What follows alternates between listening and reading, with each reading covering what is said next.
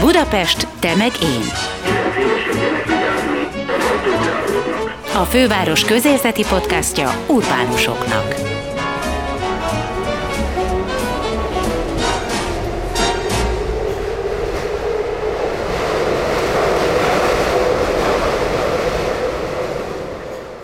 Sziasztok! Ez itt a Budapest Te meg én podcast, benne pedig Gellért Gábort és Veres Dórát halljátok. Új kiadással jelentkezik a Fortepán, az ingyenesen elérhető online fénykép archívum Bűnös Budapest 70 címmel. Ebben a válogatásban bűnügyi helyszíneket láthatunk 1971-ből és 72-ből a fővárosból. Akik a Káder korszakra nosztalgiával gondolnak vissza, azoknak nagyon érdemes végiglapozni ezt a válogatást, mert a BRFK fotói a 70-es évek szétesett, céltalan, elkeserítő világáról árulkodnak, ahol nem a képeken látható bűnügy miatt érezzük igazán otthontalannak magunkat. Ebben a műsorban a Fortepán alapító szerkesztőjével, Tamási Miklóssal beszélgetünk egyrészt a Bűnös Budapest 70 válogatásról, másrészt olyan kérdéseket is felteszünk neki, hogy jellemzően milyen örökségek jutnak el hozzá, és milyen szempontok alapján válogat ezekből az anyagokból. Hogyan hatott a BRFK több ezer bűnügyi fotója rá, és milyen következtetéseket szűrt le belőlük, milyen fotógyűjteményekhez nem lehet hozzájutni Budapesten, és vajon az állambiztonsági szolgálatok történeti levéltárának fotós és videós dokumentumai elérhetőek lesznek-e valaha. De szó lesz arról is, hogy vajon hogyan és milyen mértékben maradt velünk a Kádár korszak életmódja, ízlése, és arról is beszélünk, hogy miért döntött úgy annak idején a Fortepán alapításakor, hogy szabad felhasználásúak lesznek a képek. Tamási Miklós következik. Kezdjük onnan, hogy hogy ez a fajta munka, amit te végzel, ez mennyire változtatja meg az embert. Tehát így annyi, annyi impulzus ér nap, mint nap, vagy ezeket te nem, nem éled át belül, hanem a külsejére figyelsz? Hát egy, egyrészt van bennem egyfajta pragmatikus gondolkodás, tehát mindig azt nézem, hogy mi az, amiből tartalom lesz és, és próbálok is nagy huszárvágásokkal haladni. Tehát nagyon sok felől érkezik, nagyon sokféle fotó hozzánk, részben nagyon keszekusza hagyatékok, és ahhoz, hogy ebből évente nekünk egy 10-15 ezer online látható képünk legyen, ahhoz haladni kell. Tehát ez egy bizonyos értelemben iparszerű dolog. Uh-huh. És ez azt is megszűri, hogy hány történetet hagysz ö, megérni magadban, és hányat beszélgetsz végig az adományozóval, vagy a családdal. Úgyhogy ez egy jó vonalvezető szerintem, ha azt mindig nézed. Kicsit olyan ez, mint a szép írók egy részénél, hogy napi másfél óra penzumot meg kell írni, akkor is, ha nincs ihlet. Tehát, hogy így ezt csinálni kell, mert egyébként nem lesz a végén könyv, kiadvány, vagy a mi esetünkben fotó de amennyire ez nehéznek tűnik, annyira egyébként élvezetes is, hogy az ember két-három óránként nagyon más dolgot csinál, hiszen nagyon más hagyatékon dolgozom éppen, és van egy folyamatos ügyfélkör, vagy nem tudom mi a jó szó, tehát azért hozzánk hetente két-három család érkezik ilyen-olyan albumokkal, és azok meg mindig meglepetés történetek, hiszen nem tudom, hogy, hogy ki mit fog mesélni. Úgyhogy ez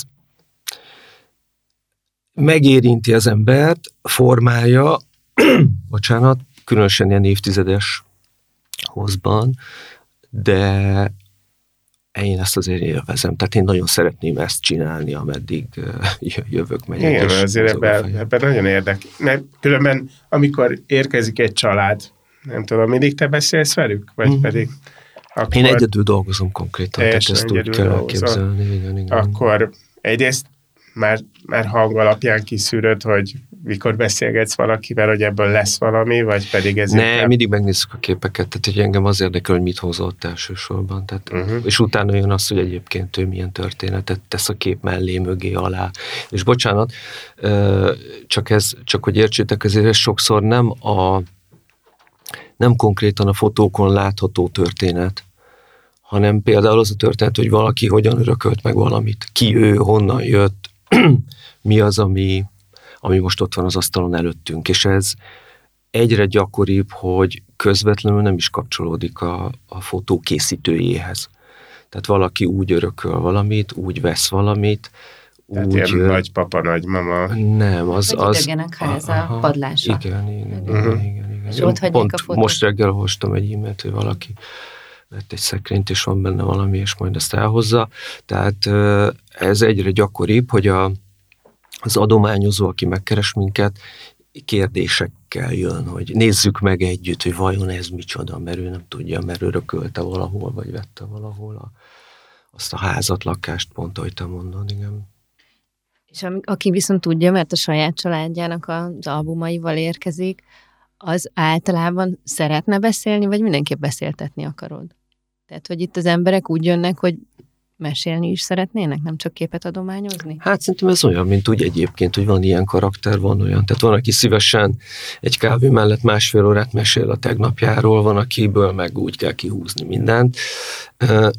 De neked szükséges, hogy legyen Nem, történet nem, a kép mögött? nem. Tehát neked nem kell interjúztatni, vagy... Nem, nem, nem, és ez a fortepánnak tulajdonképpen egy nagy, nagy hiányossága, hogy, hogy azokat a történeteket, sem a megtalálás történetet, tehát hogy hogyan kerül elő egy fotó, sem a fotón bemutatott történetet nem tudjuk meg, átadni, megmutatni. Tehát Kapacitás hiány? Hát is, meg részben az is, hogy én fotókkal szeretnék foglalkozni, és nem történetekkel, tehát azért ez egy ilyen vizuális történeti műfaj az én fejemben, és értem azt, hogy emellé nagyon jó lenne mondjuk orálhisztorit, vagy családtörténeteket is mellé tenni, és az utókor rendkívül hálás lenne, ha ez megtörténne, mert azért ezek a történetek nyilván elkopnak, kikopnak, akkor ott van, aztán elfelejtődik, én magam is elfelejtem, de ez egy nagyon más léptékű munka lenne akkor. Tehát azért mi most körülbelül olyan 1000-1200 családanyagát dolgoztuk föl, tehát ha mindegyik mellé interjút is készítettünk volna, akkor, akkor ez a munka, ez biztos, hogy háromszor ilyen lassú lenne. Hát egyáltalán nem biztos, hogy, hogy ezek mind hiteles történetek. Így van, ez is egy mindenki érdekes dolog, formál egy kicsit a Hát várj azért, az egész történelemre rá lehet ezt Hát mondani. persze. Hiteles? Hát mindenki egyszer csak elmondta, leírta a saját szemüvegén Hm. keresztül, nem? Hát azért igen, de azért bizonyos nagy, nagy megállapításokat tehetünk egyébként, hogy az emberek mire emlékeznek és mire nem, és, és az a legfontosabb nagy megállapítás szerintem, hogy az emberek jellemzően áldozatokként tekintenek a saját családjukra Magyarországon, ami nem mindenhol van így, de nálunk nagyon jellegzetes az a nézőpont, hogy a mi családunk egy vesztes család. De érdekes ez. Igen. Nálunk nincsenek elkövetők, és mindenkit nagyon komoly sérelem ért a 20. században. Mindenkit. Kit a hortikorszakban, kit a holokauszt alatt, kit a Szocializmus szocializmusban, vagy még akár a rákosi korszakban. Tehát nagyon, nagyon erős az áldozat nézőpont, és nagyon-nagyon ritkán mesél valaki arról, hogy a családjában gazemberek lettek volna. Tehát erről nem tudunk beszélni értelmesen, hogy nagyapám munkásőr volt, vagy kisnyilas, vagy egyszerűen alkoholista. Tehát ilyenek nincsenek nálunk. Nem lehet, hogy azért, mert nyilván hozzád ezek az anyagok és az ő leszármazottai pont emiatt nem kerülnek, hiszen ez egy szégyen volt egy család történetében. Hát nem, hát ez ott van a fotón. Hát a, a, az, amit te most a honlapon látsz, az a közel 200 ezer fotó, az egy válogatás Mm. eredménye, ennek nyilván sokszorosát láttam, és, és, és nagyon sok dolgot tudatosan zárok ki ebből. Tehát nálunk nincs, Például. hát egy klasszikus például, hogy láncra vert kutyát nem látsz a fortepánon, pedig hány kertben vannak kutyák láncon. Egyen jobb Magyarországról mesél a fortepán, mint amilyen valójában. Nem, Nem, hogy nem nyúlsz hozzá egy, ez egy kicsit a, De, a közös abszolút. emlékezethez. Abszolút, de ez az én emlékezetem. Igen, ez a te privát ügyed. Bár egyébként szakemberek mondják azt, hogy az elmúlt évtizedek le- egyik legfontosabb kultúrtörténeti gyűjteménye a Fortepán. Gondolom ezzel te egyetértesz, de vissza a válogatáshoz, hogy, hogy hogy egyébként akkor te történetközpontúan nézed a képeket, vagy a vizualitás is számít, vagy, vagy melyik milyen arányban? Hát ugye van az a fajta fotográfia, ami egy történeti eseményt mutat be, és arról a történeti eseményről jó megemlékezni, jó, jó ha van róla egy-két-három fotónk. És ez bármi lehet egy simpája átadásától, egy Trianon emlékgyűlésig a hortikorszakban. A fortepának egy jelentős része az ilyen képekből áll, és akkor ezt tágabban értelmezve nyilván forradalmakkal, háborúkkal, ö, ostrommal, ez egy ilyen nagy alap, amit el kell tudnunk mesélni képekkel is. Emellé jön az a fajta fotográfia, ami egy, ez a száraz fotó, tehát dokumentarista fotográfia, mondjuk képzeljétek el építőipari vállalatokat, akik lefotóztak építkezéseket, ez mondjuk egy ilyen klasszikus helyzet, mi ilyet nagyon szívesen csinálunk. Mert erre annyira sokan keresnek rá? Nem, ez engem érdekel. Hát végül De egyébként épületek. meg igen, igen, egyébként igen, tehát az épített környezet az Abszolút. olyannyira, hogy talán nem, nem lenne, most ezt nem gondoltam még végig, de nem lenne talán butaság azt mondani, hogy a, a mai 20-30-as generációnak a múlthoz való kapcsolata az elsősorban épület alapú. Tehát épületeken keresztül tud kapcsolódni ahhoz, hogy volt világ régen is. Vesz egy lakást valahol, és akkor elkezd érdekelni őt, hogy itt mi volt előtte, ki lakott itt előtte, hogy nézett ki ez a ház régebben.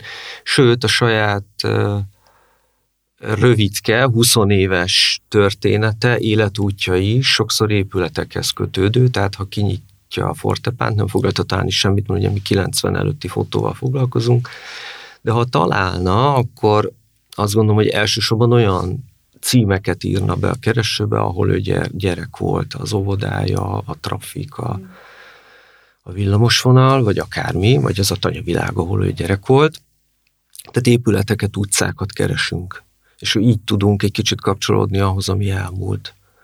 Tehát nagyon, tehát biztos, hogy sokkal kevesebben keresnek mondjuk történeti eseményt. Tehát az, hogy milyen volt a tanácsköztársaság. Ez úgy kevesebbeket érdekel, mint az ő saját privát kis világuk a múltból.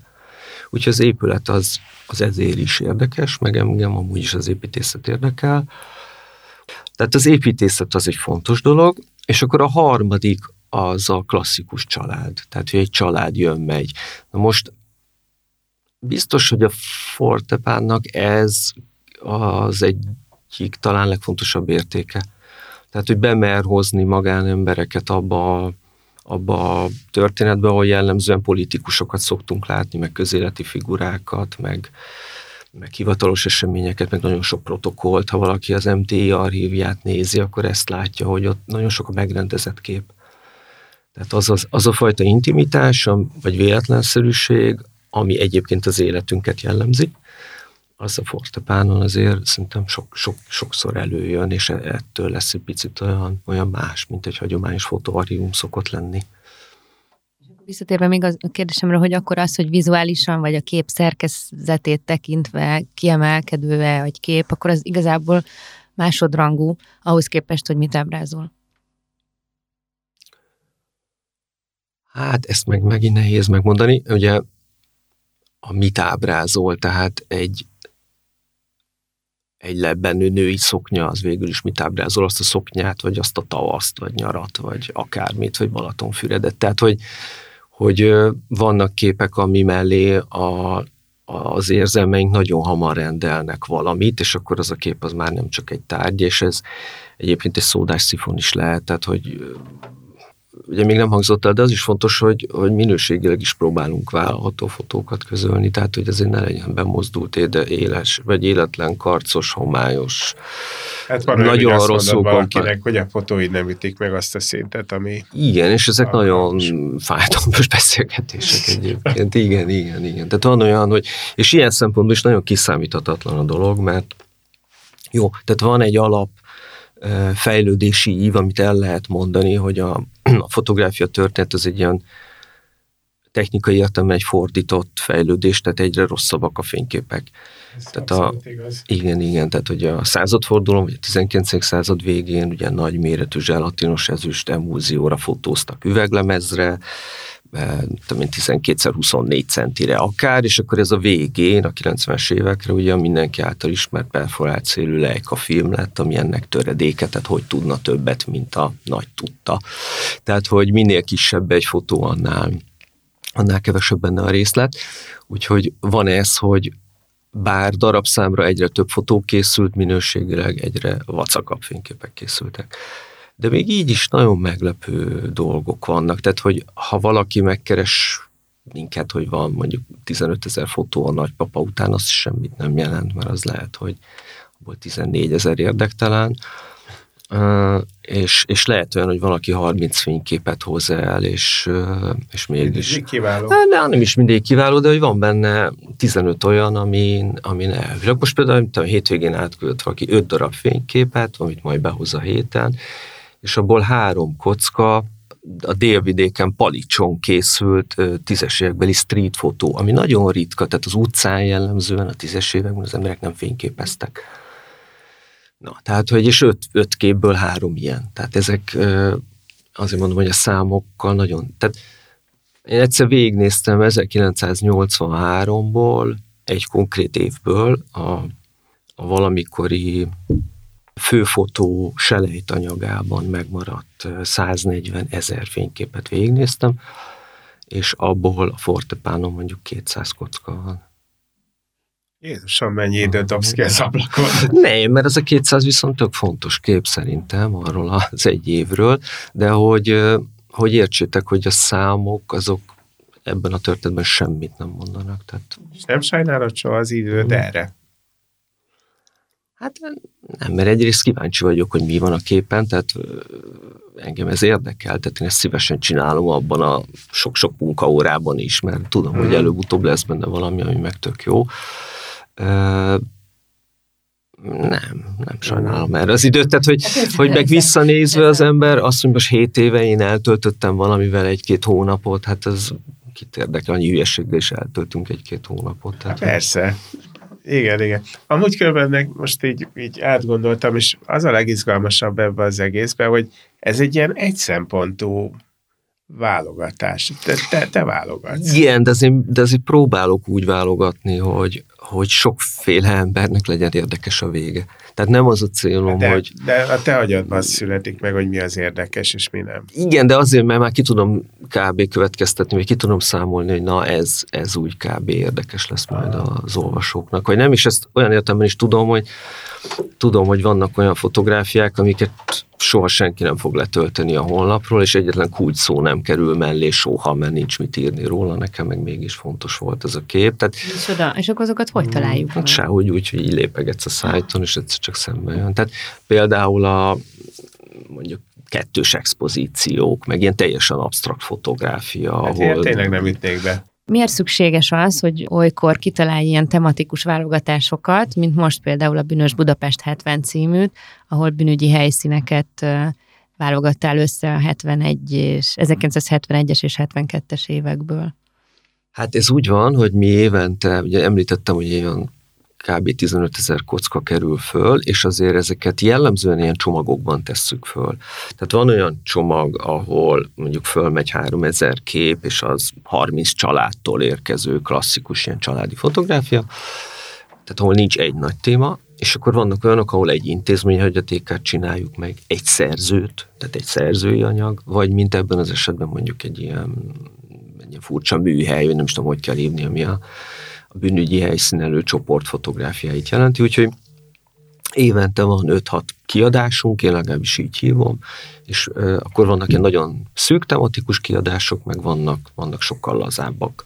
Mondjuk most a következő két hét múlva egy Bordezső nevű volt karmesternek a saját fotóanyaga a 30-as években, és a fiától hoztam el, aki 96 éves, és teljesen friss szellemileg. Igen, igen, igen. Úgyhogy tehát vannak szerzői anyagok, és akkor vannak ezek az intézményi fotók, mondjuk az iparterv is ilyen lesz egyszerre elkészül, hogy egy, egy intézménynek, egy vállalatnak, vagy egy építőipari cégnek a hagyatéka, és akkor itt van ez a BRFK. Na most a BRFK, tehát Budapesti Rendőrfőkapitányság fotót mi már egyszer csináltunk, jó pár évvel ezelőtt, a, ennek a cégnek a, az 50-es évek végi fotóit feldolgoztuk.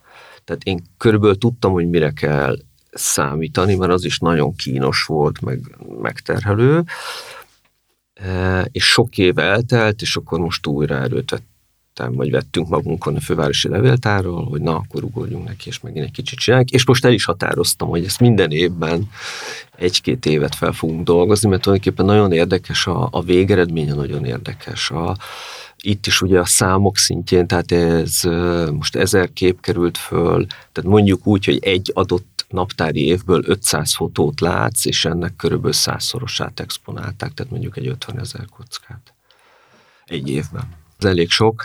Most úgy válogattuk szét egyébként, hogy hogy Pálinkás Zsolt kollégám kiszedte az összes, ugye ez mind negatív, tehát itt csak negatívokról van szó, nem volt papírkép, és akkor először szétszettük úgy, hogy ki, kivette az összes olyat, ami lakásbelső, és azt félretettük, azzal nem is foglalkoztam, és így megmaradt az, ami köztér. Tehát azért az van, hogy ennek az anyagnak a, hát mondjuk fele, tehát nagyon sok kocka, az gyilkossági és öngyilkos helyszíneket mutat be. Na most ezeket de úgy, hogy a maga az alany is látszik. A persze, persze, persze. Jó, hát akkor szép melót végeztetek. Igen, igen, igen, igen. Tehát ez minden öngyilkos helyszínen készült fénykép, jellemzően a, a in situ, a helyszínt körbefotózta valaki vakuval, ugye vannak, nem tudom mennyire menjünk bele az öngyilkosság történetben, mert egyébként nagy... Mire gondolod, hogy érdemes? Aha. Hát olyan szinten mindenképp érdemes, képeket, hogy, hogy, hogy néhányat direkt egyébként hagytam benne, pont azért, hogyha, hogyha valaki valaki mégiscsak kíváncsi a káderkorszaknak erre a, a ritkán elhangzó, vagy ritkán szóba jövő részére, miközben szerintem szinte mindannyiunk családját érintette a dolog. Tehát, hogy az öngyilkosság száma az 1983-ig folyamatosan emelkedett Magyarországon, és, és hát ez így a fotográfián, meg a bűnügyi fotózáson érhető a legegyszerűbben tetten. Tehát, hogy, hogy tényleg az van, hogy, hogy százával vannak öngyilkos helyszínek, és minden ilyen helyszínen lefényképezték a, az elkövetés módjára utaló elemeket. Tehát azt, hogy mondjuk nyitva volt a gázsütő, vagy az ablakokat valaki körbe rakszalagozta, vagy felrobbantotta a cserépkájhát, tehát minden ilyen, ilyen konkrét eh, tárgyi részt is, beleértve az áldozatot lefényképezték. Na most ezeket kihagytuk, néhány olyan öngyilkos fotót válogattam be, de talán há- három vagy négy helyszínről, ahol, ahol ablakon ugrott ki a, az áldozat. És le vannak fedve már ez. Persze, persze, tehát te nem látod a, magát az áldozatot, mert újságpapírral vagy valamilyen papírral már letakarták. Egyébként olyan olyan szívfacsaró, mert de ezek van olyan, kemény. ahol ilyen téglákkal erősítették igen, a papírt az ember a köré, hogy ne, ne vigye el a szél, és azért ez tényleg annyira Igen, bizarr. tehát pont azért hagytam meg néhány ilyet, mert azt gondolom, hogy, hogy tudnunk kell, értelmes keretek között tudnunk kell erről is beszélni. Persze. Tehát, hogy az nem fordulhat elő, hogy a 20. századra csak úgy tekintsünk, mint egy ilyen laza történet, ahol mindenki jó fej volt, csinos, és érdekes tárgyak voltak az asztalon. Tehát uh, nyilván itt most visszakanyarodunk oda, amiről az elején beszéltünk, hogy a fortepán mennyire tud ebben segíteni, és nem igazán. Tehát mi képet tudunk adni a történethez, de ahhoz, hogy erről egy szociológus, vagy egy pszichológus, vagy egy történész beszélgessen, azt én már nem tudom helyettük megtenni, nem is értek hozzá de ahhoz, hogy legyen képünk, tehát konkrétan vizuális emlékünk ilyen dolgokról is, ahhoz a fortepán jó, jó kell legyen. Tehát amikor az első BRFK anyagba belevágtam, akkor kifejezetten az motivált, hogy ne legyen a fortepán egy ilyen cuki hely, mert én azt nagyon nem szerettem volna, hogy itt mindenki ilyen nagyon... Nosztalgia. Ah, igen, ez nem egy ilyen retro oldal akar lenni. És, és, és akkor ez egy ilyen tudatos dolog volt, hogy valamennyire a, az országnak a, a mélyéről is meséljünk, és e, erre pff, hát végül is brutálisan alkalmas ez a bűnügyi helyszínelős fotó, mert ugye itt semmi megrendezettség nincs, tehát pont amiről beszéltünk, hogy az MTI fotók tele vannak megrendezett jelenetekkel, hát itt meg semmit nem rendezett senki sehová, mert hogy a bűnügyi fotósnak ez volt az alap gesztusa, hogy nem szabad belenyúlni semmibe, tehát azt kell lefényképezni, ahol vagyok, amit látok, tehát ha feltörtek egy zöldséges bódét, akkor azt a bódét úgy mindenestül körbefotózta és ment tovább. Én ez nagyon érdekes, hogy a, ezt úgy kell elképzelni, hogy befűztek egy filmet a fényképezőgépbe, van rajta 36 kocka, és nagyon takarékosan bántak a nyersanyaggal, tehát mondjuk egy ilyen trafik feltörés az négy kocka, vagy öt. És akkor így mondjuk három nap alatt megtelt a 36 kocka, vagy egy nap alatt, ezt ugye nem tudom rekonstruálni.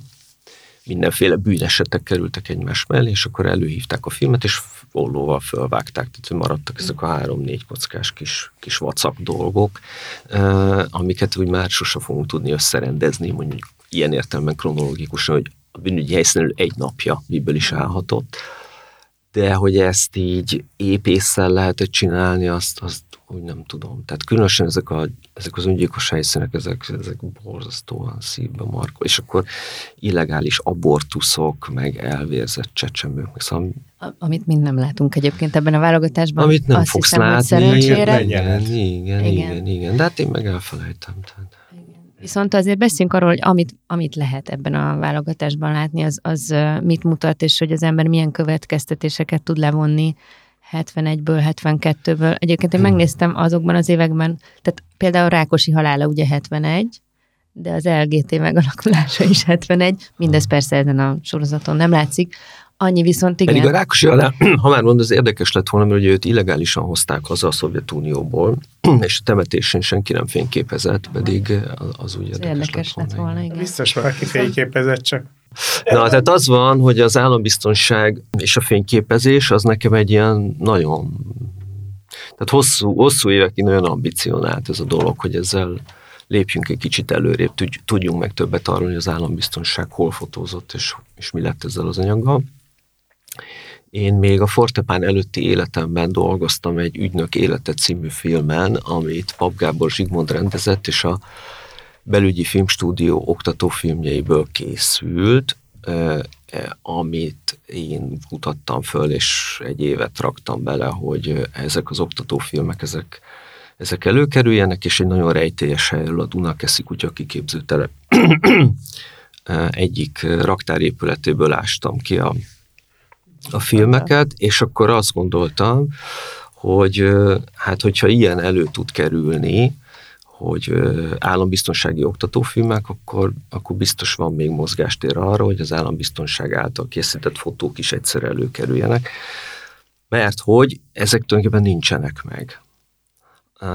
Tehát az a nagyon kevés, amit operatív eszközökkel készítettek, ezt mondjuk úgy képzeljétek el, hogy egy egy autós táskába preparáltak egy fémvázra szerelt fényképezőgépet, és akkor az autós táska csatjával tudtál exponálni, és a hónod alatt sétáltál a táskával, és operatív fotókat készítettél. Na most ebből hát óvatos becsléssel azt merném mondani, hogy mondjuk egy két-három százezer fénykép készülhetett a Kádár korszakban. Bocsánat és összesen, ami az állambiztonsági levéltárban megmaradt, az mondjuk 500 fotó. Tehát százalékosan kifejezhetetlen, annyira, annyira kevés. Konkrétan elégették. Hát igen, csak ugye az van, hogy az égetésről is vannak naplózások, tehát, tehát annak is maradna valamennyi nyoma.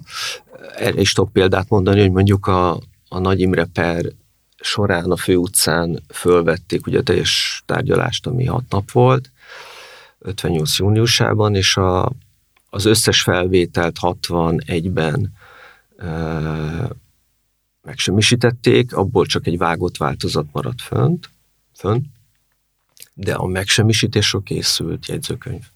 De tudjuk azt, hogy hány méter filmanyagot semmisítettek meg. Az, hogy az állambiztonsági fotóanyag hogyan semmisült meg a rendszerváltás környékén, előtte, közben, alatt, után, erről semmit nem tudunk, tehát hogy ez egy nagy rejtély, és ezért mondom, hogy ez még akár elő is kerülhet. Mm. Egyébként, ha már állambiztonság, tehát az, az mondjuk érdekes tudni, hogy a, hogy az állambiztonság nem csak fényképeket készített, hanem szuper 8-as kamerával is filmeztek meg, meg ami a legtriviálisabb, hogy telefont hallgattak le, ugye ezt tudjuk, hogy telefonokat uh, lehallgattak, és uh, rögzítették a beszélgetéseket, na most ilyen magnószalagon rögzített telefonbeszélgetésből egyetlen másodperc sincs. És ki tudja, hogy meddig Tehát lehetne miközben, feldolgozni, mert ezek tönkre is fognak menni, ezek a hát, Igen, sérülékeny anyag, de hogy a, hogy az állambiztonságról első körben biztos az ügynök akta jut mindenkinek eszébe, tehát mindig papírokat látunk magunk előtt, és hogy ez egy nagy adóssága a levéltáros történész szakmának, hogy az összes hang, a mozgó és a fotó, az kimaradt a keresési fókuszból, hogy hát nem csak iratokat szült az de, AB. De akkor tulajdonképpen az állambiztonsági levéltárban egy részük ezeknek megtalálható. Hát mondom, egy olyan 500 darab fénykép van. És ott csak történész kutathat, ugye? Tehát oda nem mehet be akárki. Csak hogyha személyesen érintett. Van. Hát ugye van a személyesen érintett, meg van a, van a történész kutató, de mondjuk én egyik se vagyok, de adtam be kutatóit, és tudtam benne kutatni, tehát hogy tessék próbálkozni, szóval azért nem gazemberek dolgoznak ott, hanem kollégák, akik segítenek. Tehát visszatérve a Rákosi temetésre, tulajdonképpen nem tudjuk megmondani, hogy ott az AB fotózott 71-ben, és akkor most eljössz. Csak, ezt csak egyébként kis színesnek hoztam be, hogy például ez az az év, amikor Rákosi meghalt. De hogy, hogy nézegetve ezeket a képeket az embernek olyan furcsa érzése van, hogy a Kádár korszakról igen, a saját családi albumainkban vannak akár színes fotók is, ugye, de azok mind egy Egyel kicsit idealizáltabbak, igen, mert igen. hogy a családot fotózzuk, mint vicces, kedves családi eseményeken, egy épülőházat, egy nem tudom mit, és ezek a fotók viszont egy teljesen más világot tükröznek, a nyomort, azt a rettenetes környezetet, amiben élni kellett a Kádár korszaknak e- ebben az évtizedében, ezt a, ezt a rettenetes nélkülözést, Szóval, hogy minden fotóról ez, Na, ez ömlik örülök, az emberre, és én kíváncsi vagyok, hogy te miket vontál le, te milyen következtetéseket, vagy mi, milyen érzéseid vannak, hát, miután ennyi fotót végignéztél? Aha. Hát egyrészt azt gondolom, hogy igen, tehát ugye ez egy nagyon nyers dolog, tehát részben azért, amiről beszéltünk, hogy nincs semmi kikozmetikázott, tehát hogy azt látod, amit látsz, vagyis amit a fotós látott. Tehát nincs benne megrendezettség, és olyan helyszínekről látunk fotókat, ahol hát biztos, hogy előtte, utána nem készült soha, tehát hogy ezek a, ezek nem a szép, helyszínek... nem érdekes. Ezek, nem szép, nem érdekes, nincs rá lehetőségem, hogy ott fotózzak, tehát hogy azért itt csóró emberek otthonai, meg, meg büféi, meg, meg trafikjai, meg, meg lakhelyei, udvarai, akár szobái látogathatóak, dolgok. vagy láthatóak, igen. Tehát ez egy elég reménytelen képet mutat a létező szocializmusról. Na most egyetlen adat, hogy azt mondja a történész szakma, hogy a Kádár korszak gazdasági csúcspontja az 1973-ra esett. Tehát mi 73-ban az olajválság előtt éltünk a legjobban. Ha ezt valaki végignézi, akkor azt gondolom, hogy minden maradék illúzióját a létező szocializmussal kapcsolatban felszámolhatja. Ez Jó, egy de teljesen... mindig van egy városnak fényes árnyoldala. Tehát így, nem, nem, nekem, nem, ez... én, én ebben az ah. időszakban voltam gyerek. Tehát én, én mit tudom, a Kereki Sándor képeit én simán mindegyiket értem. És azokat is értem, mert közel laktam a Kelemföldi pályaudvarhoz, ahol volt egy kocsma, ott a gyerekeknek is a cumijára belenyomták a sörhabba. Így, tehát így emlékszem én ezekre. Nem értem meg olyan tragikusan, mert csak tudtam, hogy ez volt. Ja, ja, ja. Én nem is gondolom, hogy ott szomorú emberek lehorgasztott fejjel jöttek volna, igen, vagy jártak volna telekitéren, de a rendszer az ez alapján szerintem érezhetően működésképtelen volt. Tehát Ez nem itt egyetlen olyan négyzetmétert nem látsz, ami rendben lett volna. Borzasztó. Olyan érzésed van, mint hogy a két világháború utáni épületek még mindig ugyanúgy állnának. Lehet, hogy neked gyerekkorban, ugye ez volt nagyon a természetes. Szétesett, nagyon szétesett. Egy rettentő, összetákolt várost látunk ezeken a képeken. Tudod, az a, a hát a, a, a csóroságból adódóan, tehát igen, nem a szándék igen, igen, egy, ilyen, egy ilyen so, so, sodródó teljesen tervezetlen, szervezetlen, esztetikai, tárgyi, minőségi értelemben vállalhatatlan a város. De, persze. De ez egyébként ez minden üzembe elsőre igaz a szocializmusban. Tehát, hogy hogy az a vicces, hogy még a protokollfotók, ahol, ahol nem tudom én, Losonci Pál a Makói konzervgyárba látogat, még ott is, ha megnézed rendesen azt a képet, azt látod, hogy hogy lehetett itt így termelni. Tehát, hogy, hogy a munkakörülmények, a munkaminősége az, az, az egyetlen fotón is láthatóan ócska volt.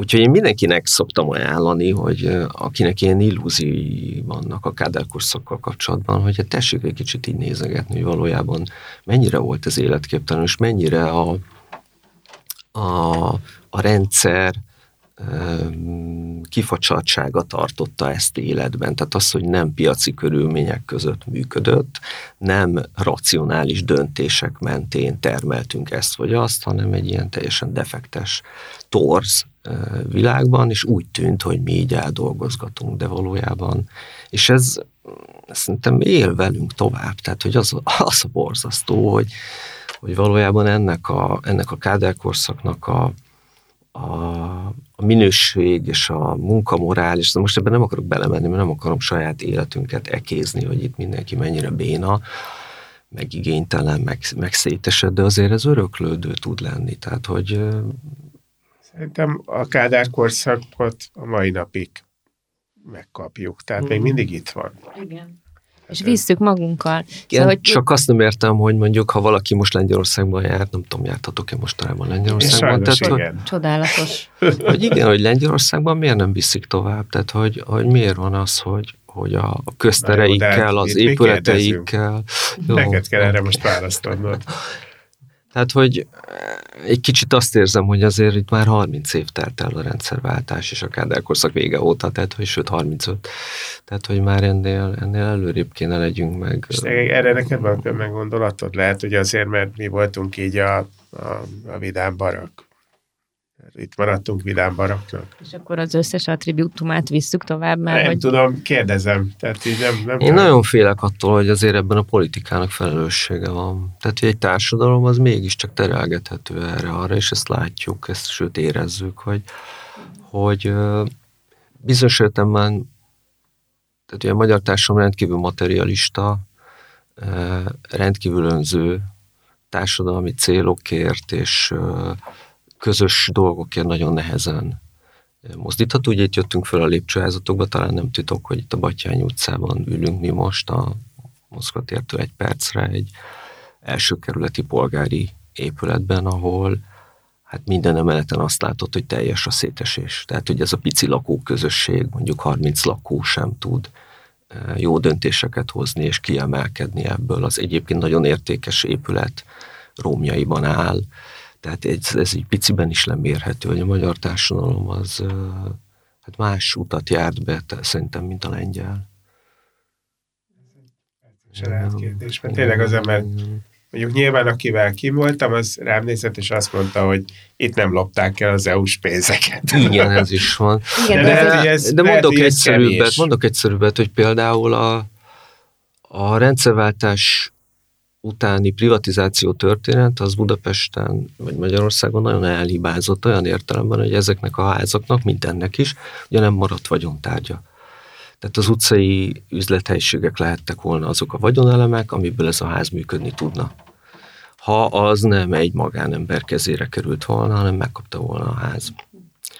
Tehát ilyen egyszerű eszközökkel lehetett volna a 90-es években szerintem mm, tudatosabban, ügyesebben, felelősebb módon városképet, épületállományt megmenteni.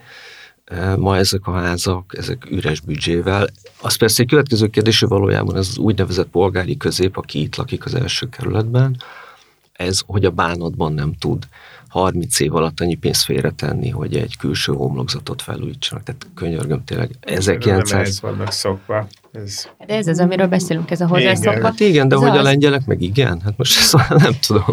Ha megnézed a század elő Budapestjét, ott az emberek hogy öltözködtek, hogy milyen tárgyakkal Lásd vették, Nemzeti Galéria, ahol most egy fortepán kiállítás fut a század elő Budapestjéről. akkor igen. ezek szerint ez al- alá is támasztja az, amit mondok, hogy milyen tárgyakkal vették magukat körül, milyen ételeket ettek, ugye? Milyen fantáziával főztek, Na jó, és de a az, többi. egy, az csak egy réteg. Igen, az nyilván a polgárság, amit Igen, látsz, igen, és a a fotó ilyen beszélsz. értelemben eleve torz. Igen, de most pont a polgárságon kéred számon, és Igen, teljes de ez joggal, jogos, jogos. hogy nem állította rendbe még mai napig a, a közvetlen környezetét, és hogy valahogy mindig ez az érzésem, hogy egyszerűen kinevelték az ízlést ebből a közösségből, eh, abban a nem tudom én néhány évtizedben. Na, De ez visszanevelhető, El, tehát ne gondold, hogy... a szemünk előtt minden. Igen, de ezek, ezek visszahozhatóak szerintem. Csak ez, ezért mondtam, hogy a közéletnek és a politikának nagy a felelőssége. Tehát mit sugal, mit sugal egy miniszterelnök, a- tehát hogy mit sugalt Olof Pálme, aki az utcán sétált a feleségével, és mit sugal a nem tudom én, Fidesz vezérkara, akik megközelíthetetlen emberek kordonok mögött. Tehát, hogy eleve van egy ilyen, egy ilyen kívülről is látható kép, hogy tulajdonképpen mi, mi, kik a mintáink. És akkor ez kis településekre is igaz, hogy kik a mintáink. Tehát, hogy az állatorvos, a patikus, a könyvtáros, az akárki adná a mintát. Ugye a, a polgárság az valahogy így működik, hogy van egy mintakövetés. Eh, Ha rossz a minta, akkor az egész falu nagyon, nagyon béna Ez lesz, és ez, de, de vannak jó történetek is, tehát hogy biztos, hogy vannak olyan települések, ahol meg megrázta magát egy közösség, és, és egy jó polgármester volt, vagy egy jó patikus, és azt mondta, hogy ezt ne így csináljuk. A, nekem az fáj, mi részben így családilag kőszegen élünk, és és hát ugye óhatatlan az ember a burgenlandi oldalon is megfordul, és ugye ott nagyon szívben markolóan mérhető le, hogy ugyanazokból a falvakból, hiszen ugyanolyan falvak. Persze. vannak a határ mindkét oldalán, milyen különböző ö, épületek és terek és közterek lettek.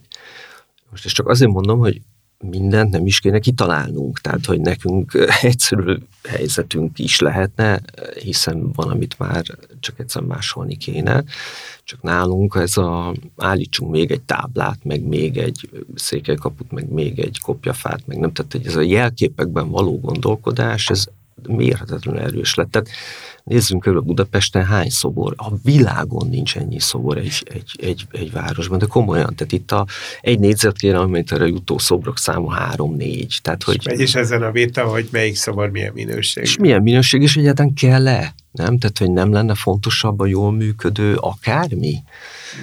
Játszótér, járda, buszmegálló. Tehát, Nem, hogy Mert itt sokáig beszélget veled, előbb-utóbb lemegy, és valami átfestett padon. visszatérve a fotográfiára, hogy valóban csal a fotó, de azért azt talán nem hazugság kijelenteni, hogy, hogy valahol a Kádár korszakban nagyon elment ez az ország. Tehát az az érdekes, hogy a háború utáni helyreállítások azok nagyon jó minőségűek voltak. Ugye volt ez a Fischer József nevű helyreállítási kormánybiztos, aki egy kiváló Bauhauson nevelkedett építész volt, és, és ez, a, ez az ország 45 és 49 között, tehát a mi szüleink, nagyszüleink nemzedékei, azok iszonyat közmunkát tettek abba, hogy újra lábra állítsák ezt az országot, és nagyon jó minőségű helyreállítások folytak. A, a Rákosi korszak sok mindenbe belenyúlt, de valójában nem volt aktív, tehát inkább az iparosítással volt aktív, de a városképeket kevésbé formálta. Hanem aztán ez a hosszú Kádár korszak, ez az aztán, ami tényleg ilyen, ilyen, ilyen fájóan sok helyen nyúlt bele a, az összképbe, és, és mm, szóval nagyon egyszerű dolgokon le lehet mérni, hogy hogyan esett szét az ország, tehát hogy hogyan néz ki egy buszmegálló mondjuk, és hogy ma még látsz olyan buszmegállókat, amit nem értesz, ez még, Ajaj. ez még hogy lehet itt? Tehát Persze. pici költségvetésű provizórikus épületek, és nem tudunk rajta valahogy túllépni, megugrani.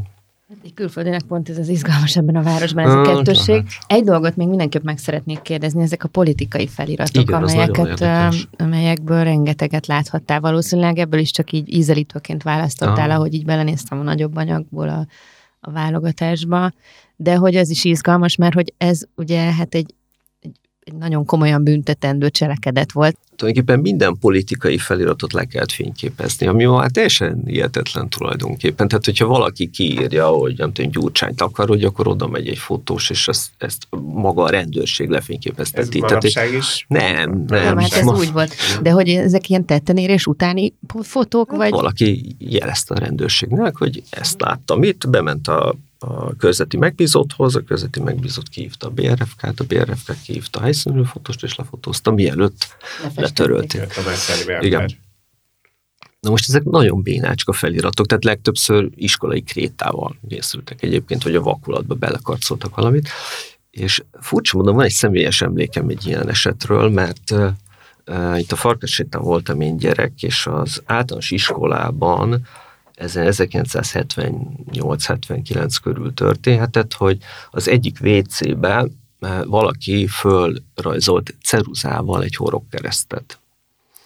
Eh, ebben a rendőrségi anyagban is látni egyébként horogkereszteket. E, ez csak zárójelben nagyon, olyan értemben érdekes nekem, hogy, hogy, eh, hogy horogkereszteket látunk, de nyilas keresztek egyáltalán nincsenek. És hogy valójában ez a hungarista mozgalom, ez, a szocializmusban nem létezett. Tehát, hogy ha valaki most leegyszerűsítve náci vagy fasiszta volt, az keresztet rajzolt, és nem nyilas keresztet zárja zárva. Na és akkor az történt, hogy a, a, a rendőrség nyomozást folytatott az iskolában, és mindenkit, belértve engem, meghallgattak, hogy ki mit tud erről a ceruzával fölrajzolt keresztről és hát nem is tudtuk, hogy szóval, hogy én biztos, hogy nem tudtam, hogy mi az, hogy horog kereszt, tehát hogy az egészet csak mint a sátán jele, vagy szóval, hogy érted, egy rendőr egy nyolc éves gyerekkel, tehát hogy ott átérzed azt, hogy valami, valami elképesztő bűncselekmény helyszíne lett az általános iskola WC-je.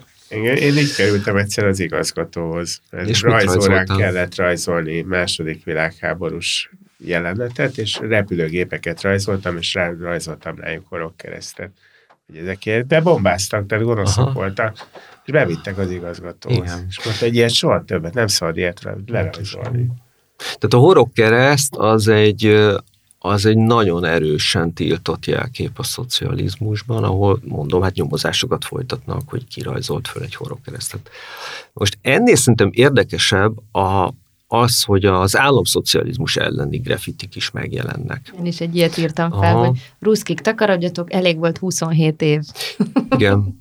Akkor még csak 27. Igen, igen, igen. Na most itt meg van egy, van egy, ami szerintem nagyon érdekes, hogy a Láncidon 72-ben lefotóztak egy feliratot, ahová azt írta valaki krétával, hogy rendőrállam.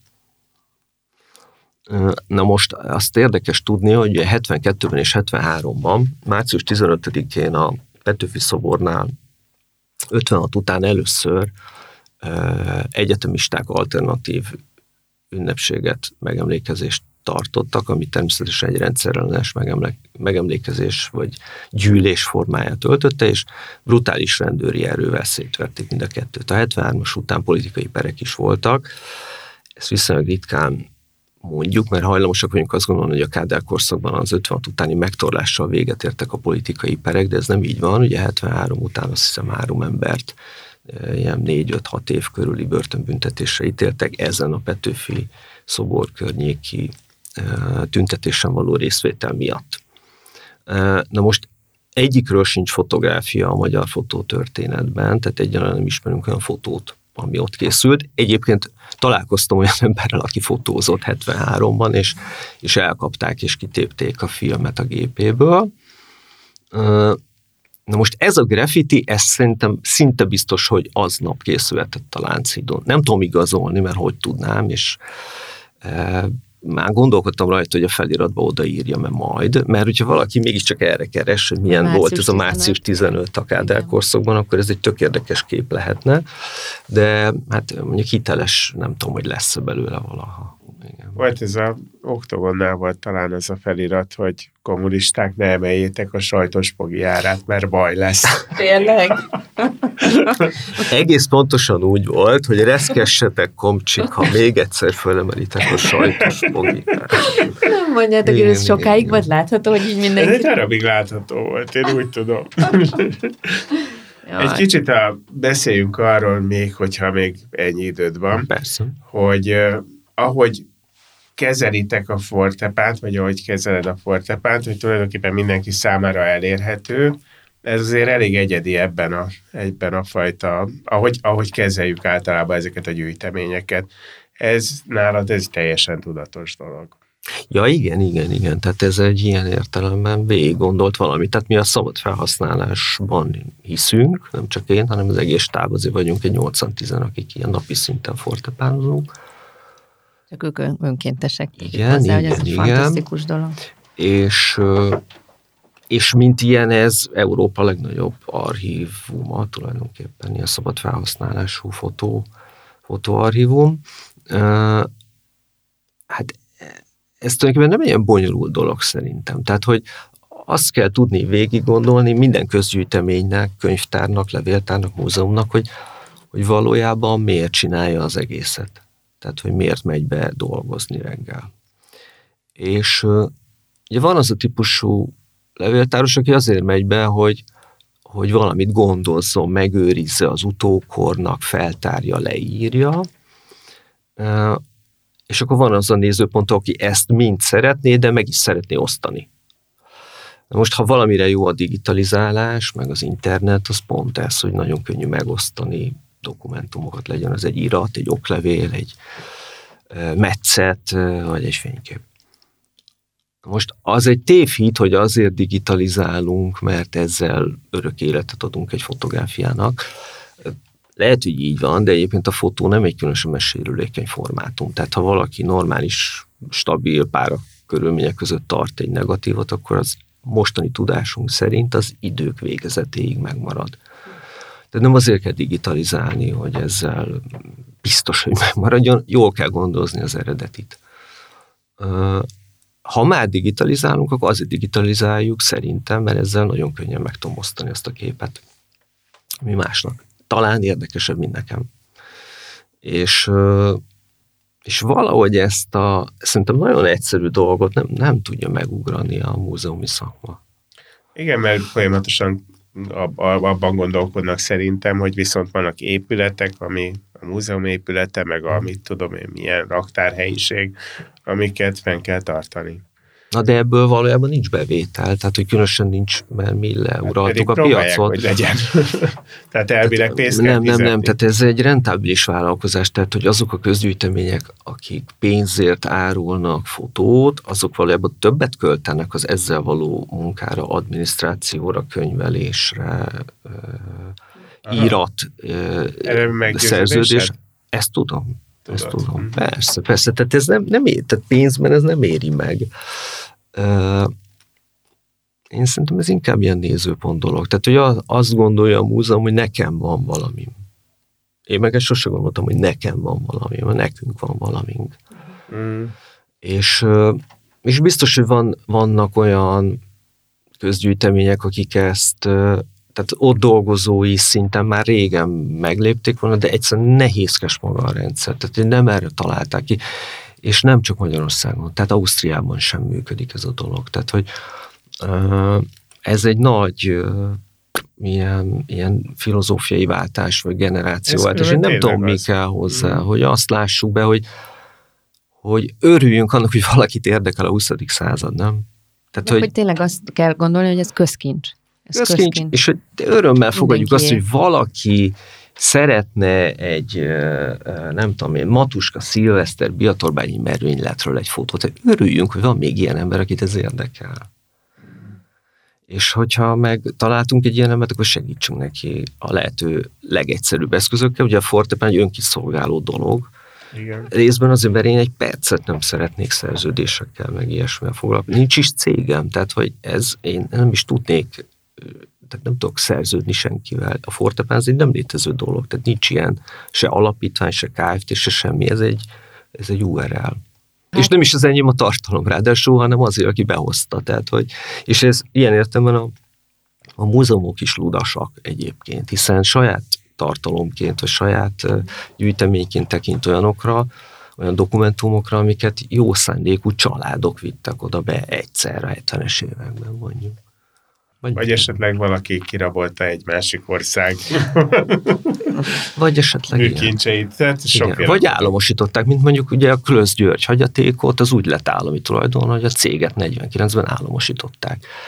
Ez most egy konkrét példa, tehát hogy mi a fővárosi levéltártól a hagyatéknak körülbelül az egy harmadát megkaptuk, ez látható a Fortepánon, és nagyon népszerű tartalom, mert ugye a Millennium környéki magyar építészet, Buda, beleértve Budapestet, az fantasztikus formában látható a Klösz fotókon. Na most a Klösz államosításkori irat és fotóanyagának kétharmada az a Budapest Történeti Múzeumhoz került, a Kiszcelbe ahol azóta nem látott. De 1949 óta nem jutottunk el oda, hogy ebből egy online tartalom legyen. Hát, ez volt rá törekvés. Hát én magam törekedtem, sőt, az a furcsa helyzet állt elő, hogy a Klösz, a Klösz család dédunokája keresett meg azzal, hogy próbáljuk meg együtt kihúzni a BTM-ből a krösszöt, amit államosítással vettek el a családtól. Hát tulajdonképpen akár vissza is lehetne így De ő is kevés volt hozzá, kapott egy választómúzeumot, ezt az egészet hogy képzeli? Maga, önnek semmi köze ez az anyaghoz, az államosítással jogszerűen kezül, került közgyűjteménybe minden múzeumnak egy picit ezzel lenne szerintem tennivalója. Hogy azért neked is meg kell építened, hogy valahogy e, erre valamilyen anyagi források szülessenek, és hogyha jól tudom, igazából kvázi mecénások tartják fenn a, a fortepánt, mert hogy... Igen, de ez nem rossz hír. Tehát nem, ez olyan, nem, de hogy ez, ez rossz hír. Ennek örülünk. Ez nagyon jó. jó. Ehhez, ebbe, erre is energiát kell fektetni. Igen, igen, igen, és ez nekem egy életre szóló, hogy mondjam, pozitív történet, mert Török András személyében találtam egy olyan menedzsert a Fortepán mellé, aki, aki napi szinten foglalkozik ezzel, hogy legyenek mecénásaink, és legyenek olyanok, akik ebbe pénzt tesznek.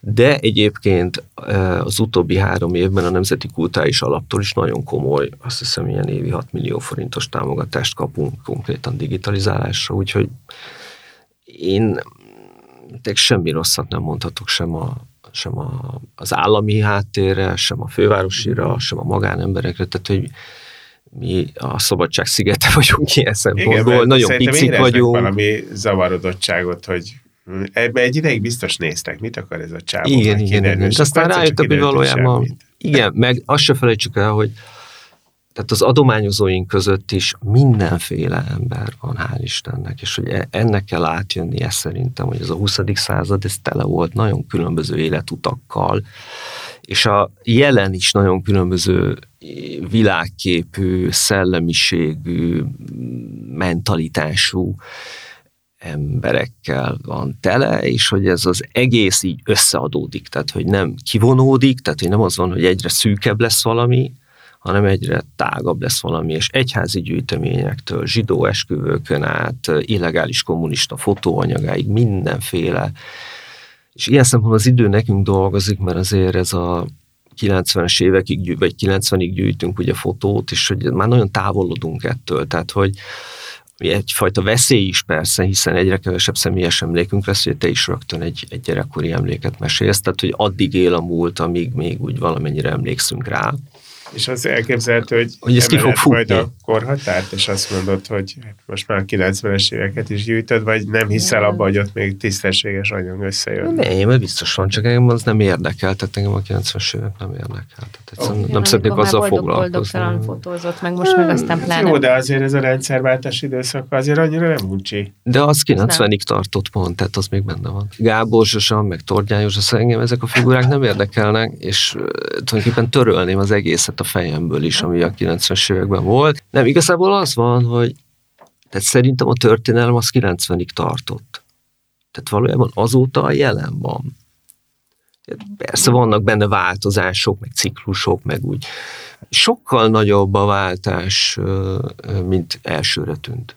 Hogy minden családot érintett. Minden családot érintett, úgyhogy ami előtte volt, az egy határozottan is és biztos hülyeség, amit mondok, de higgyétek, hogy a fotón látom, hogy valami 90 előtt készült, vagy utána.